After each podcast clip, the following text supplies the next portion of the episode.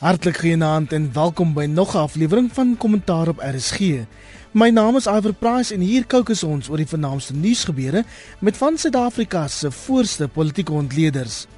Op die paneel vanaand professor Dirk Coetzee van die NISA en Dr Piet Kroukamp van die Universiteit van Johannesburg. Jy kan 'n kommentaar lewer deur my op Twitter te volg en jou mening oor die sake van die dag te tweet. RSG tweet by ZARSG. Moenie weggaan nie, net hierna praat ons verder.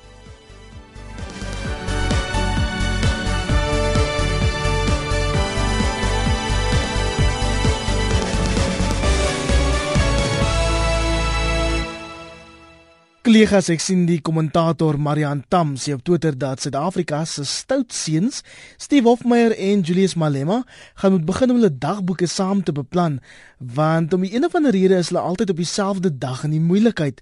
En dis dan ook waar ons met vanaand se program begin. Eers met die agbare meneer Malema wat die parlement op sy kop gekeer het. En Piet, eintlik hoor ek nou nog hoe die EFF daai bring back the money, bring terug ons geld, dreun sing. Op sosiale media en in die koerantbriewe het dit gelyk of die meeste Suid-Afrikaners egter hom ondersteun.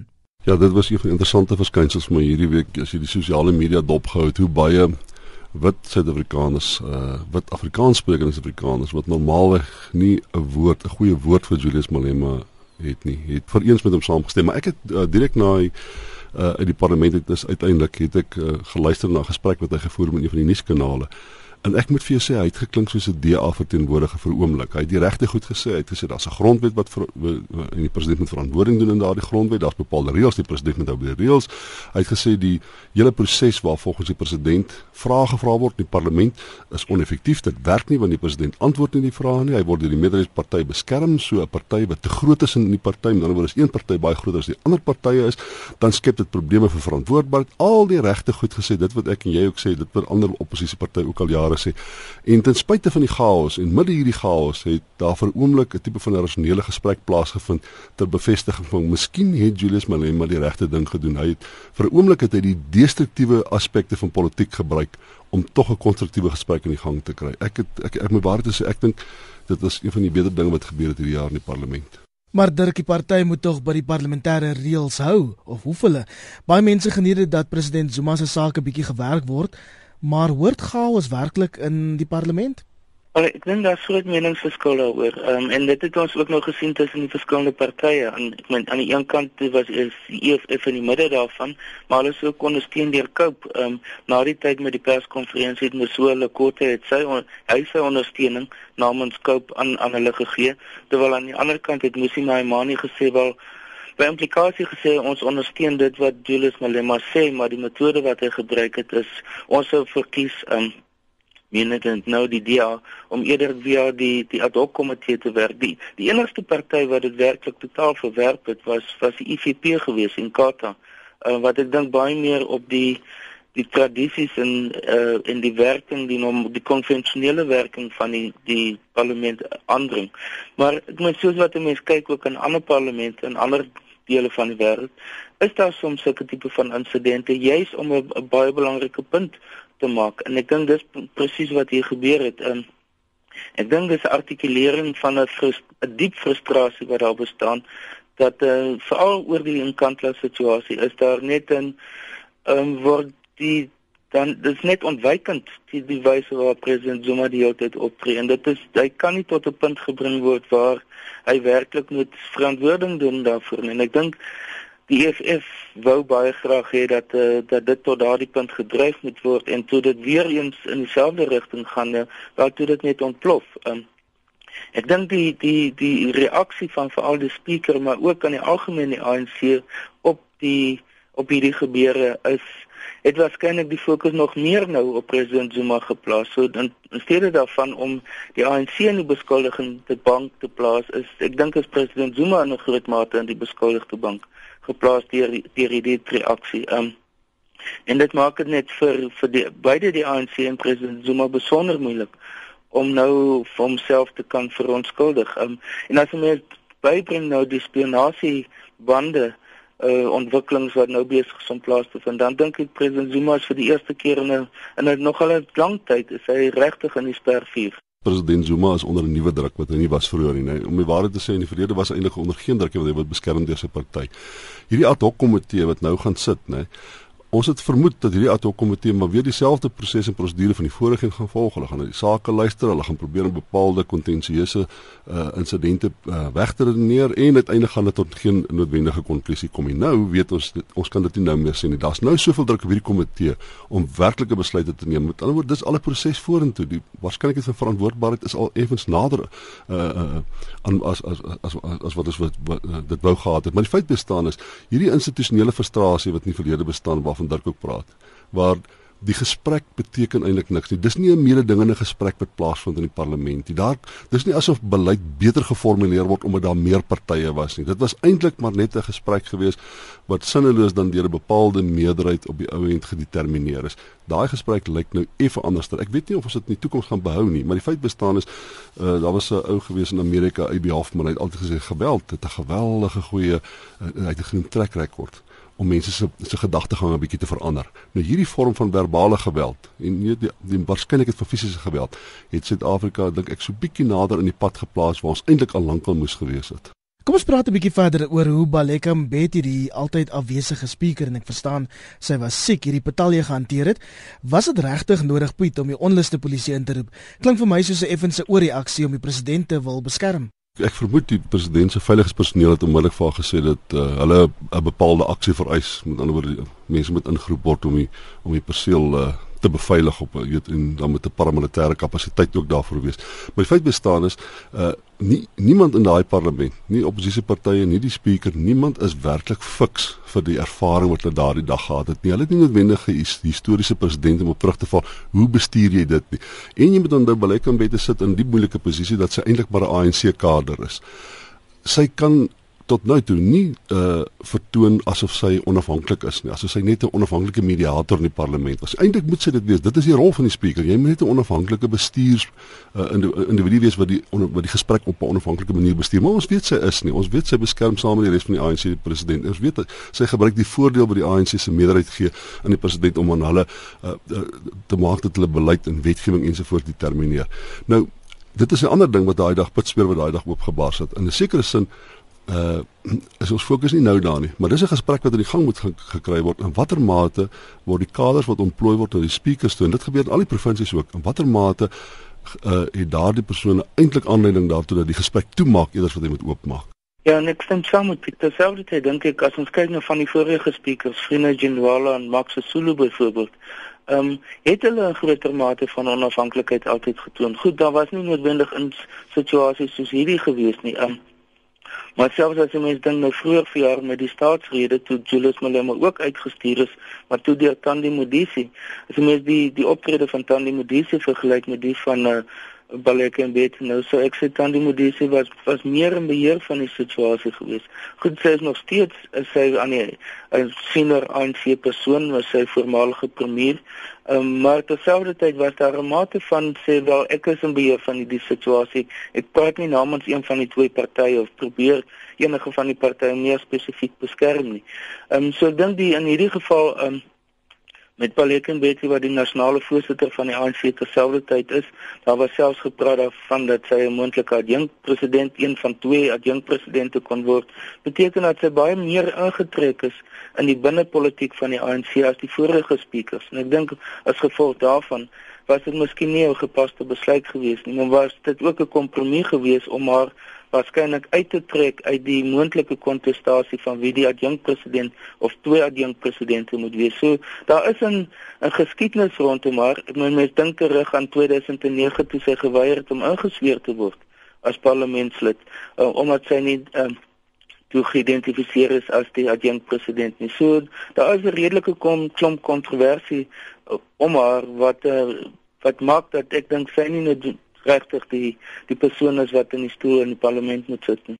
Daar is 'n assosiasie tussen haar en die president ook, né? Hulle kom baie nou pad saam baie keer wanneer die president byvoorbeeld sê Suid-Afrika is reg vir 'n vroue president, dan dink ek kyk mense net na uh, Dlamini Zuma. Jy maak 'n groot fout. Ek is doodseker sy uh, Baleka Mbete is een van die persone wat die president in die oog het vir 'n moontlike presidentskap. En daai verhouding tussen hulle kom baie lank pad om die waarheid te sê ek dink sy is terug in die speakerstoel juis as gevolg van haar verhouding met president Zuma. En president Zuma haat dit, maar die EFF is tog 'n direkte produk van hom en die ANC. En Max de Pre het agterna op Twitter gesê hy dink president Zuma en meneer Malema verdien mekaar. Jou reaksie Piet?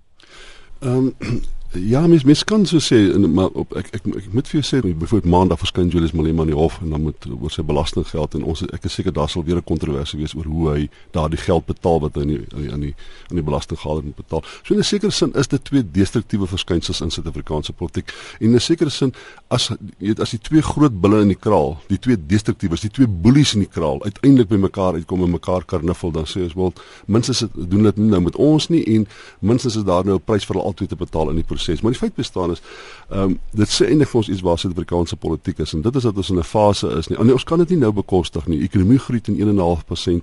Uh, daar is baie baie onbestendigheid. Daar is geweld in die informele nedersettings. Daar is 'n geweldige hoeveelheid werkloosheid in Suid-Afrika. Ons kan nie nou regtig bekostig dat die klomp olifante op 'n manier in 'n geveg betrokke raak en die gras vertrap nie. Maar dis ongelukkig wat nou gebeur. Daar word nie konstruktiewe beleid geformuleer nie. Daar word nie konstruktief geregeer nie en in en as deel van hierdie teater is die groot bil in die politiek in mekaar se kele. Dit is eintlik ironies want rapport het vanoggend berig net 'n bietjie verder uit te brei daar Pietse punt dat meneer Malema juis môre aan die Suid-Afrikaanse Inkomste Diens moet kom verduidelik waar hy 18 miljoen rand gekry het om sy belastingskuld te delg. So bring back the money geld vir homself ook. Die ongeluk van uh, Julius Malema is dat as hy sy persoonlike dimensie of sy persoonlike lewe meng met sy politieke optrede of sy politieke boodskap, dan is daar is dit vol teenstrydighede in. Byvoorbeeld uh, wat hy vroeër in die jaar gesê het in die debat, ek dink was met die staatsrede se debat, oor dat hy daarop aangedring het dat lede van die regerende party se kinders moet na na openbare skole toe gaan, dat hulle openbare provinsiale hospitale moet gebruik, maar hy dit nie doen nie. Ehm um, sy leefstyl in die algemeen teenoor die feit dat hy 'n uh, 'n uh, oorpak rooi oorpak dra en hy sê hy staan te wille van die die heel armstes. Ehm um, sodat mens kan dit 'n lang lys maak daarvan van teenstrydighede in terme van sy optrede teenoor dit wat hy sê as as sy politieke boodskap. Ehm um, ek dink wat wat in 'n groot mate die meeste mense in Suid-Afrika of baie mense in Suid-Afrika hoofsaaklik natuurlik die ondersteuners van die EFF sien nie hierdie kontradiksie raak nie. Vir hulle is dit nie van so groot uh, betekenis of relevant nie. Uh, omdat dit wat hulle sien is is die artikulering wat wat die EFF maak uh, in die openbaar en wat hulle glo ter ter terwyl van hulle is tot hulle eie voordeel. Um, en ek dink dis dis die die simboliek wat wat uh, Julius Malema die afgelope paar maande nou sedert hulle voor of ja nou sedert hulle daal vorming ehm um, uh, tot stand gebring het en en dit is wat uiteindelik wat die politiek werklik is wat politieke bewegings is. Die politiek die identiteit wat politieke bewegings vir hulle self skep. En uh, ek dink in, in daardie sin het was die EFF tot dusver relatief suksesvol geweest om 'n nuwe ehm um, simboliek of 'n nuwe spasie te vul op die politieke spektrum in in simboliese terme en dat hulle ook 'n nuwe nuwe elemente tot die debat tot die openbare debat bygedra het. Um en so ten spyte daarvan dat Julius Malema as individu dus hoogs problematies is, dink ek is daar 'n nuwe dimensie wat die EFF bygedra het, um wat ten spyte daarvan dat baie mense totaal ten, gekant is teen Julius Malema en die EFF, sal nog steeds krediet moet gee vir dit wat hulle gedoen het. En as ons 'n bietjie kan aanbeweeg tot die ander sogenaamde stoutseun, die sanger Steve Hofmeyer wie se boogde optrede by die Namakwa fees op Vredendal in die Wes-Kaap soveel onmin veroorsaak het dat die fees nou gekanselleer is. En Piet, is dit regtig die begin van 'n groot teenreaksie soos wat die dagblaaie beweer of is dit maar 'n geïsoleerde voorval? Ek dink baie mense wat Steve Hofmeyer ondersteun maak die fout deur te sê maar dit is goed om die stem te sing. Dis 'n FAK liedjie. Met ander woorde, jy kan dit dit is 'n onskuldige fenomeen, maar dit is nie. Sy hele gesprek, die diskurs wat hy verteenwoordig, dit wat hy sê op die verhoog is duidelik op so 'n manier geartikuleer dat dit probeer om konservatiewe vrese, uh kunsmatige vrese te stimuleer om die waarheid te sê dit dit dis 'n destruktiewe boodskap in die sin van dat ek dink dit vervreemding in die hand werk. Hy het 'n regs, hy sê self ek is regs, maar ek is nie ver regs nie. Wel dit uh, selfs met regs met ons probleme in Suid-Afrika in die sin van dit dit uh, mense is wat hulle nie deel voel van die groter Suid-Afrika en hulle het 'n behoefte om af te stig, hulle het 'n behoefte om onafhanklik of eie op hulle eie te wees en ons kan dit nie op hierdie stadium bekostig dat daardie persepsie oor alle wit Suid-Afrikaners bestaan nie. Dis te destruktiewe. Ons is te blootgestel wat grondhervorming betref, wat misdaad betref, wat politieke besluitneming betref, te blootgestel om nou 'n vorm van vervreemding te ervaar in Suid-Afrika as jy wit is. Nou My argument is ek dink nie die staat die tweede argument van hierdie ding is die, ek dink nie indien munisipaliteite hulle fasiliteite beskikbaar stel of hulle op 'n of ander manier 'n finansiële bydrae maak tot Afrikaanse feeste kan ons nie daardie tipe van sektariese gedrag op daai verhoog kan nie. Steve Hofmeyer kan nie verhoog gaan en 'n reaksionêre politieke boodskap verkondig en sê maar ek is 'n kunstenaar, ek kan sê wat ek wil nie. Jy moet besluit of jy 'n politi politikus is en of jy 'n kunstenaar is. As jy kunstenaar is, kom jy bevroeg en jy sing. As jy besluit om politieke menings uit te spreek, dan moet jy onthou die mense wat daardie fees aangebied word kan verantwoordelik gehou word vir wat jy gesê het en dit het konsekwensies. Ek wil asseblief nie hê my belastinggeld moet op enige wyse gespandeer word op reaksionêre uh, verhoog vir of Julius Malema of vir Steve Hofmeyer nie. Ek dink dit moet dan met 'n punt gemaak word dat geen staatsgeld kan by geen fees aangewend word waar hierdie tipe van aktiwiteite plaasvind nie. Dirk, ek wonder of jy saamstem. Die een tendens wat besig is om in die Suid-Afrikaanse musiek in die algemeen ehm uh, te ontwikkel en en selfs geëer te word is die idee van dit die terugkyk na 'n periode van van protes van uh op 'n manier selfs van oorlog verheerlik um en om terselfdertyd die idee van soos Piet dit genoem het 'n soort van 'n afskeiding of 'n 'n meer 'n uh, uh geïsoleerdheid tot stand te bring. Um en ek dink dit is presies die teenoorgestelde as as wat die gees van die Suid-Afrika sedert 1994 of sedert die uh, vroeë 1990s is. Um Ek dink dit was juist die die produk van hierdie onderhandelings en van die oorgangs en vir die vernuwingsproses in Suid-Afrika was presies dit gewees um, om dit tot stand te bring om Suid-Afrika te bring wat van mense nader aan mekaar is. Daar is nog steeds baie aspekte wat uh, waar waaraan aandag gegee moet word. En men baie mense praat daarvan dat die waarheidskommissie se werk is nog onafgehandel. Dat die grondhervormingsaspekte, hoewel dit nou weer um, die restituisie uh, periode uh, nou verleng is, um, beteken dat dit nog ook in 'n groot mate of on, onafgehandel is. Dat die landbousektor is baie betrokke by om 'n nuwe bedeling tot stand te bring of stapsgewys um, om uiteindelik die grondkwessie, die emosie rondom die grondkwessie te kan ontlont. Nou as mens dan moet hierdie tipe van soort van musiek kulturele optrede kom wat in 'n sekere sin die 'n verharding tot gevolg of 'n ver, vereensaming eintlik van die, van Afrikaans sprekendes in dit dink ek gaan gaan nie werklik 'n positiewe bydrae lewer nie. Dit werk op die emosionele vlak. Ek meen dit skep groter emosies. Dit skep ook 'n gevoel van ons is eie soortig. Ons is op 'n ons het 'n soort van 'n identiteit wat wat nie kan deel wees van die groter Suid-Afrikaanse identiteit nie. En dit dink ek alles is negatiewe aspekte. Ja, jy moet onthou Front Nasionaal en Steve Hofmeyer en hulle assosiasie is is 5000 uh, wit Suid-Afrikaners wat in die laaste verkiesing gewees het. So ons praat van 'n baie baie klein verskynsel. Die probleem wat ek het is dat Steve Hofmeyer verheerlik die stem en die ou Suid-Afrikaanse vlag en die ou simbole.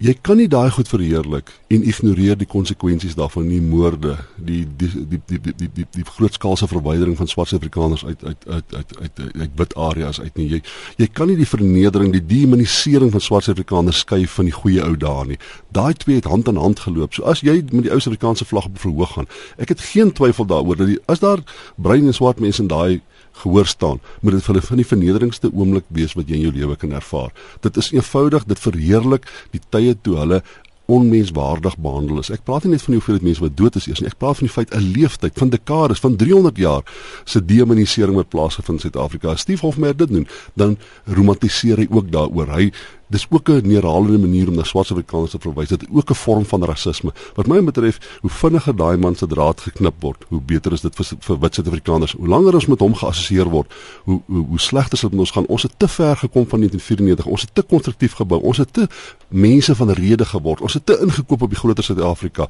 om nou deur een enkele persoon op 'n manier met 'n kwas geverf te word wat ons nie verdien nie. Kollegas en ander nuus, die ANC het die week 'n verklaring uitgereik waarin hy beeldse redakteur Adrian Bason daarvan beskuldig dat hy die wil van 11 miljoen ANC-kiesers ondermyn deur te vra hoe daarvan president Zuma ontslaag geraak kan word en ons het verlede week ook daaroor op kommentaar gepraat.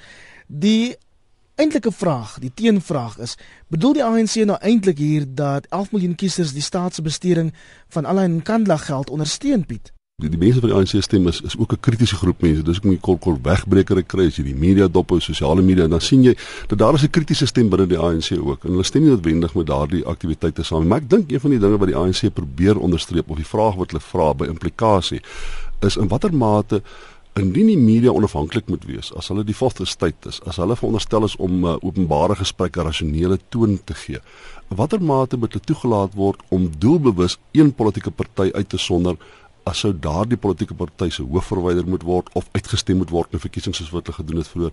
Nou dit ek dink dis dis dis nie dis nie 'n uh, uh, dis nie 'n vraag wat 'n mens sommer net vir die tafel af kan vee nie. Mens moet die media moet versigtig wees as hulle te pertinent hulle skaar by 'n bepaalde diskurs dan ondermyn hulle ook hulle legitimiteit om as onafhanklike stem te praat in die samelewing. Dit gesê, Die feit bestaan is, ek dink daar's konsensus, daar selfs by 'n groot deel van die binnemense binne die ANC konsensus dat op hierdie stadium word die ANC swak bestuur en die president word voorgehou as die rede oor hoekom hy swak bestuur word en hoekom daar dinge gebeur in Suid-Afrika wat nie moet gebeur nie. Maar dan moet mens kan sê dat die president is uh, is die fokus nou van die media en dat sy verwydering sin maak. Ek ek ek het nie twyfel daaroor nie, maar ek dink ons in die media moet baie baie versigtig wees dat ons nie die indruk skep dat ons probeer om politieke beleid of om politieke leierskap op 'n manier so te bestuur dat dit 'n bepaalde diskurs verteenwoordig wat ons dink goed en reg is nie. Maar dit is eintlik 'n kwessie van in hoe mate die ANC nog met morele gesag kan regeer. Ehm um, Dirk, maar lyk my nie die party is bereid om aan te dring op antwoorde van die president nie. Hulle fokus dan eerder op die media. Ja, ek dink hierdie was weer eens uh, nog 'n geleentheid gewees waar die die ANC met die die media kry uh, swaarde gekry het. Maar dis iets wat periodiek plaasvind en uh, sodra as wat daar 'n uh, uh, ernstige probleem in die ANC is, dan een van die metodes wat hulle gebruik om dit te, te probeer ontlont of ten minste die aandag weg te skuif, um, is om met die die media in konflik te, te tree of uh, in 'n in 'n baie ernstige debat uh, in te gaan. Ehm um, en ek dink hierdie is is 'n soortgelyke uh, geval waar hulle en en veral nou wat interessant is is die feit dat hulle nou konsentreer op 'n Afrikaans sprekende dagblad, ehm um, die beeld. Ehm um, en in by implikasie dink dat die die beeld het het 'n sekere impak op die groter nasionale debat wat ek dink op sigself uh, nog 'n uh, insiggewende aspek is van van hierdie verklaring. Ehm um, terselfdertyd dink ek is daar binne die ANC is daar 'n groot verskil tussen hulle op hulle populêre diskurs of hulle kommunikasie met die gemeenskap in die algemeen en dit wat werklik binne die ANC besig is om plaas te vind in die in, interne debatte wat daar is.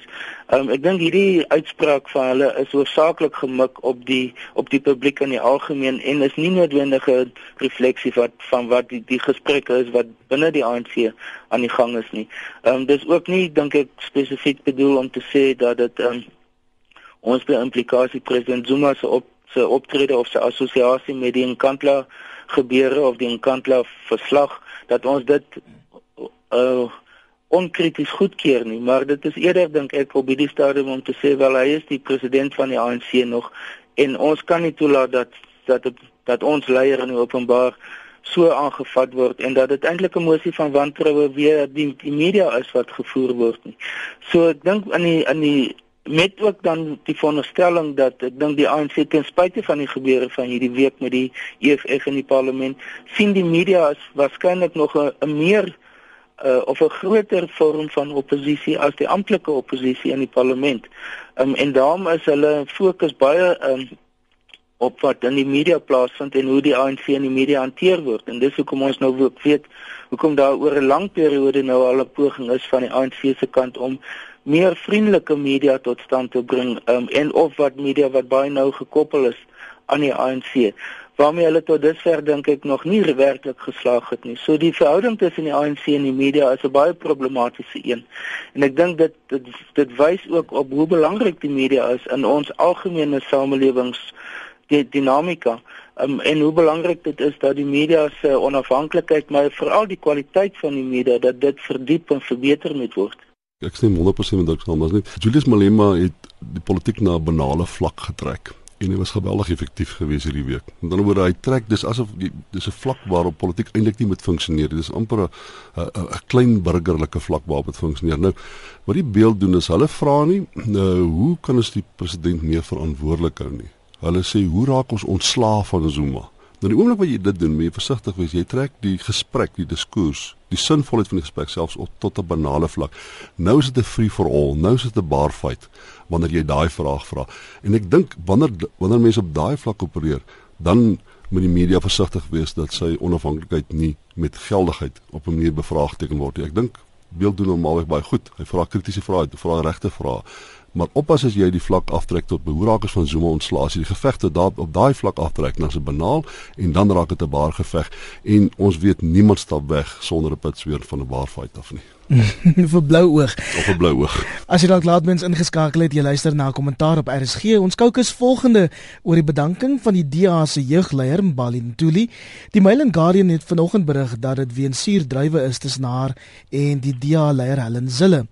Maar Piet, die Mail and Guardian sê ook dis deel van 'n groter uittog van senior swart leiers binne die DA, maar het Ntuli werklik 'n wesenlike bydrae tot die party gelewer. Ja, dis is baie baie skerp. Sy was dieselfde as Lindiwe Masibuko. Ek dink hulle is goeie vriende ook. Daai die intellektuele diskurs van die ANC is armer sonder Lindiwe Masibuko en sal ook wees. Maar jy moet onthou sy sy het uh, moet dit net um, Ntuli.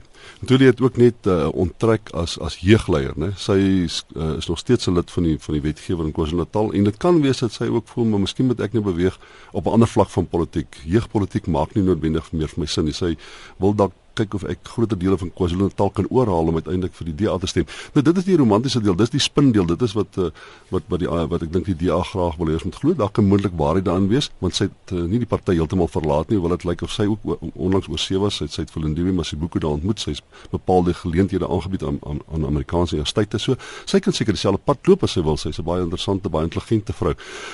Ehm uh, maar ek dink dis 'n ironie vir my. Dis ons ons besef almal dat die DA nou ideologies bietjie na links beweeg as jy dit so wil noem of beweeg na sy hulle beweeg van liberaal na sosiaal-demokrate toe. Hulle verplaas hulle selfs uh effens meer aan die linkerkant van die politieke spektrum. Is ook hierdie week wat wat uh Musi Maimane gesê het, maar uh swart ekonomiese bemagtiging is sentraal tot die wyse waarop uh Suid-Afrika hervorm en omvorm moet word. Met ander woorde, die politiek het effens na links geskuif. As hulle nou begin om swart leiers te verloor, dan sal dit ironies wees in die sin dat ek dink daar's groter akkommoderende politiek ideologies minstens in die aanloop na die 2016 verkiesing binne in die DA. Maar dit dit is so dat ek vermoed soos wat die kompetisie in die party, soos wat daar meer swart leiers is, nee, jy moet onthou dat baie meer swart persone nou in leierskapposisies ooit tevore. Sal politieke kompetisie kan wees dat party mense ontstig is, die party verlaat, wegbreek, ander alternatiewe kry. En jy moet onthou as jy swart is in Suid-Afrika en jy het goeie kwalifikasies, jy's intelligent soos Louis Masibuko en uh Ntuli, dan moet jy onthou daar is 'n wêreldse geleenthede daar buite vir jou en skielik 'n parlementêre salaris van net meer as 'n miljoen rand nie baie baie goed vir my nie. So daar kan van tyd tot tyd onbestendigheid in die party wees en kan mense mense groot geleenthede buite sien. Klink vir my of die DA groter probleme het want terwyl hy die amptelike oppositie is, het sy stem volgens my in die hoofstroom media eintlik baie baie stil begin word en dis asof die EFF al die aandag kry die oomblik is dit so. Ek dink dis een van die, die korttermyn krisisse vir die, vir die DA eintlik. Um, en dit wat dis dis presies dieselfde wat gebeur het toe Cope gevorm is in in 2000 en einde 2008 en met die verkiesing van 2009. Dat baie meer van die openbare aandag en van die media aandag was was op Cope gewees en ek dink in hierdie geval nou is is dit op die EFF. Plus nou die die soos ons vroeër nog gepraat het, ehm um, die wyse van optrede wat die van die EFF wat net bloot baie meer aandag trek um, as dit wat die ANC doen. Um ek ag wat die DA doen. Ek ek dink die die DA se se se groot uitdaging is is hoe om nou um, na die verkiesing waar hulle relatief goed gedoen het. Um in in in spesifiek in die, in die drie provinsies waar nou die beste gedoen het, die Weskaap, Gauteng en en KwaZulu-Natal in terme van van net van stemme nie persentasie nie. Um is is dit hoe om om dit te konsolideer en voorberei vir volgende jaar soos ek verstaan het hulle volgende jaar hulle eie nasionale kongres waarin 'n nuwe leierskap gekies moet word en dit kort voor die 2016 uh, plaaslike verkiesing. So daar's baie in die pipeline vir die DA, daar's baie skuwe wat gemaak moet word. En ek dink ek vermoed dat hierdie waarskynlik deel daarvan is in voorbereiding daarvoor. Ehm um, dat daar interne prosesse of of, of onder uh, gesprekke besig is om plaas te vind om te posisioneer wie en watter posisies vorentoe gaan wees. En soos Piet genoem het, sommige gaan inwees en sommige gaan uitwees, gaan uitval uit die proses.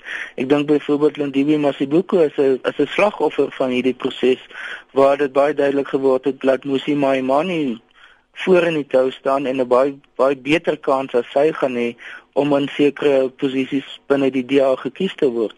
So dit dit dink ek is terselfdertyd wat besig is om plaas te vind. En dan eh, waarna hy ook verwys het is dat dat daar werklik ek dink 'n kookpot binne die DA besig is op 'n lae vlak, dis nie in die baie in die openbaar nie oor in watter rigting die DA moet beweeg. Daar's daar die uit die ouer skool van die DA wat nog graag aan hom 'n liberale karakter wil gee of wil hou by die ou liberale karakter terwyl die nuwe ontwikkeling van ehm um, aspekte wat nie so streng liberaal is nie en wat ook nie noodwendig so streng 'n uh, vrye mark is nie omdat dit toelaat dat dat, dat die staats instellings en semi-staatsinstellings baie meer prominent word. Die idee van 'n uh, maatskaplike uh, uh, um, toelaag om dit te betaal dat die DA nie gekant is daarteenoor nie, swart ekonomiese bemagtiging weet ons wat in in in uh regstellende aksie was reeds in toe hulle moes stem oor wetgewing 'n baie pro problematiese aspek die grondhervorming was 'n ander belangrike problematiese aspek binne die DA so hulle gaan meer en meer gekonfronteer word met met uh, beleidsaspekte of ideologiese aspekte waarin daar meningsverskil binne die DA bestaan. En die groot vraag gaan wees watter een is die dominante van die twee? En dit sal in 'n baie groot mate bepaal in watter rigting die DA gaan ontwikkel. En ek dink sommige veral van die jonger swartlede gaan soms ongemaklik voel met dit wat binne die DA plaasvind, maar dis die die groei of die uh, die ontwikkelings of die kookproses wat daar binne die DA gaan wees.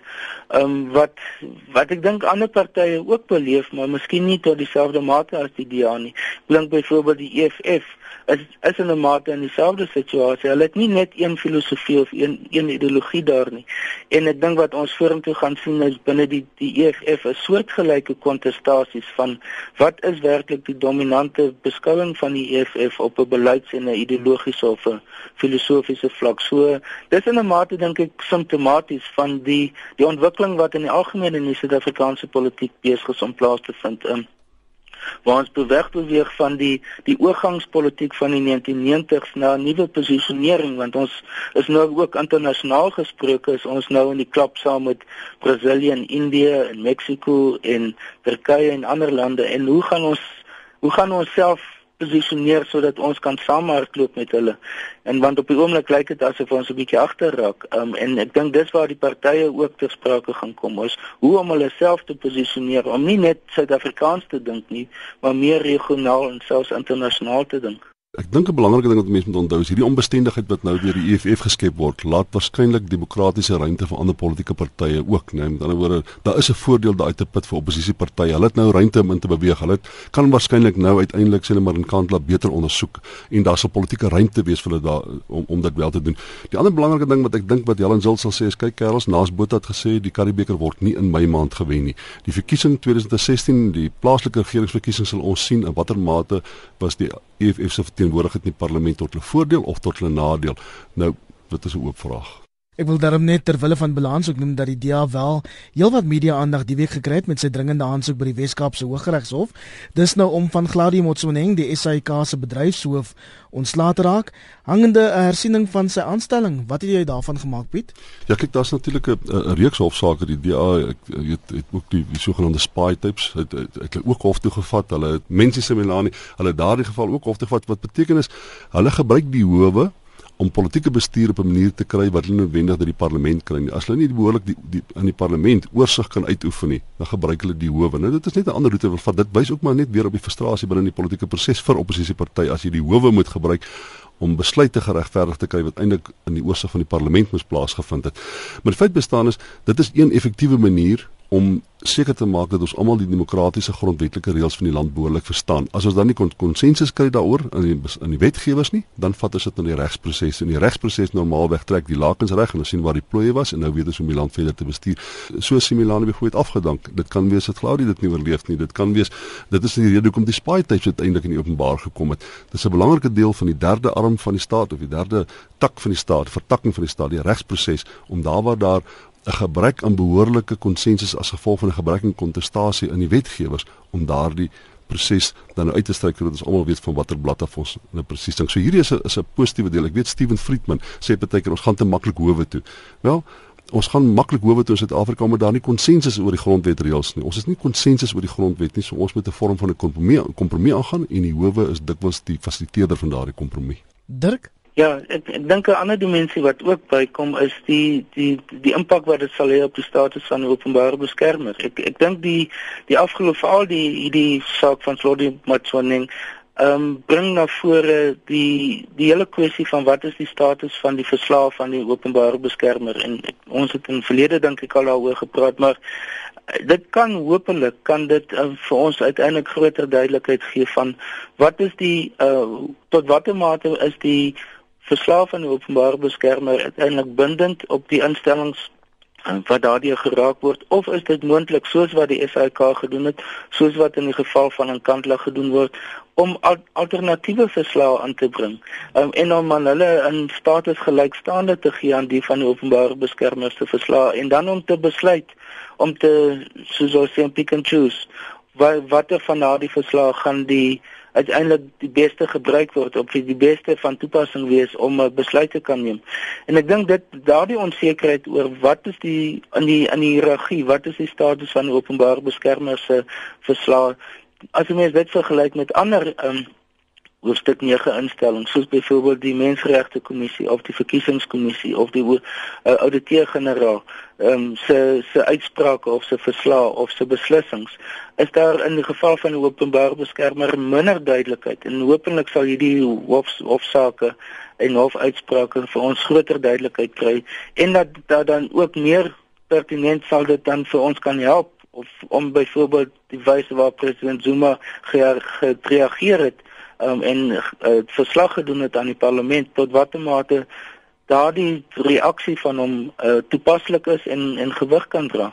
Wie iwer in in in in die openbare beskermer het 'n baie baie goeie trek rekord wanneer sy uiteindelik wel in die hof getoets word. Jy sal ontbeet met Pansin Tlakula byvoorbeeld nou weer verstaan. So uh, en ek dis een van die redes hoekom Tina Jumot Petersen uiteindelik Petersen uiteindelik nie hof toe gegaan het nie omdat sy besef het dat die uh, openbare beskermer het 'n baie goeie geskiedenis wanneer dit gaan dat daar verslae in die howe beland. Die howe bevestig as dit ware daar verslae in die verlede. Ek dink met enkele uitsondering na normaalweg het bevestig. So, ehm um, as daar twyfel is oor die openbaar, maar ons weet die grondwet sê vir ons wat is die rol van die openbare beskermer. Dis politici wat onder is saai oor wat haar werklike rol is. Nou die reg, die hofstelsel is weer eens daar om daardie gesprek reg te trek en die ding op die regte plek te kry. En uiteindelik uh dink ek ons moet soveel as moontlik van howe gebruik maak om uh, waar ons gebrek aan konsensus het, ons kompromie te bevestig. Dis ongelukkig waar ons vanaand gaan met halter op hier op kommentaar. Baie dankie professor Dirk Coetzee van die Nisa, Nancy Dirk. Goeienaand almal. En dan ook dokter Piet Kroukamp van die Universiteit van Johannesburg. Nancy Piet. Lekker aand, Iwer. Bly geskakel, finansiële fokus volg net hierna.